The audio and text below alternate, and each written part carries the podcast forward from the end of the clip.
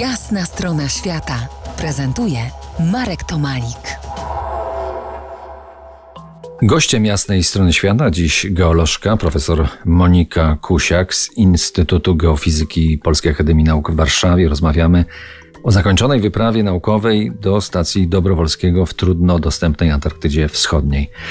Moniko, jesteś y, naukowcem podróżującym i to nie tylko po konferencjach. Twoje podróże naukowe nie jeden raz wiązały się ze spaniem w namiocie albo i bez niego, na przykład z tak zwanym słegu na, w buszu. Powiedz, y, co Antarktyda wniosła do Twojego świata przygód, bo spałaś tam nie w budynkach y, tej dawnej stacji, ale w namiocie. To znaczy, to chyba ekstremalność tej sytuacji wynika bardziej nawet nie, niekoniecznie ze spania w namiocie, bo w namiocie na Antarktydzie już spałam, kiedy tam byłam 10 lat temu. Zresztą dzieliłyśmy wtedy namiot z koleżanką Anią Mozer. W tej chwili spałam e, sama w namiocie mniejszym. I przez 35 nocy byliśmy tam 37 dni i, i ostatnią noc jedynie E, pakowaliśmy się, więc tam jakoś przekimaliśmy gdzieś na podłodze w budynku.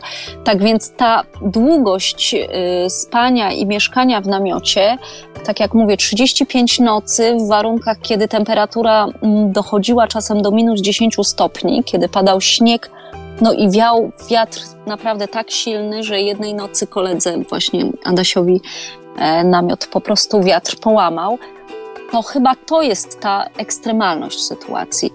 Muszę jednak powiedzieć, bo właśnie przy, przypomniałam sobie, pomyślałam właściwie o tym, co mnie zaskoczyło. Zaskoczyło mnie to, że nie zmarzłam.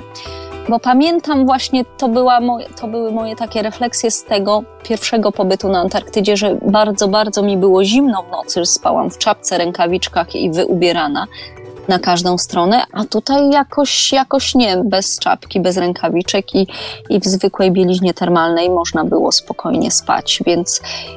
A powiedz, mm. jak wyglądał twój dzień? Jak się rano... Y budziliście, czy ty budziłaś, y, jakie, jakie były obowiązki i jak wyglądała tam praca? Czy był ten no, zapał do pracy? Czy... My mieliśmy ten zapał do pracy ogromny, naprawdę bardzo duży że korzystaliśmy z dnia polarnego i pracowaliśmy naprawdę do późnych godzin wieczornych, aż, aż praktycznie nie padliśmy.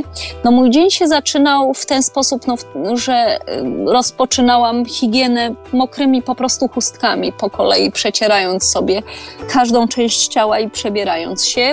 Jak już się wygrom, y, wygramoliłam z namiotu, to szłam do tego naszego głównego budynku Warszawa i mieliśmy tutaj bardzo no, ogromny komfort, ponieważ nasz szef, właśnie Marek, nocował w budynku i on się jakoś zadeklarował, że będzie nam robił śniadania i rzeczywiście robił nam codziennie te śniadania, co było po prostu niesamowite.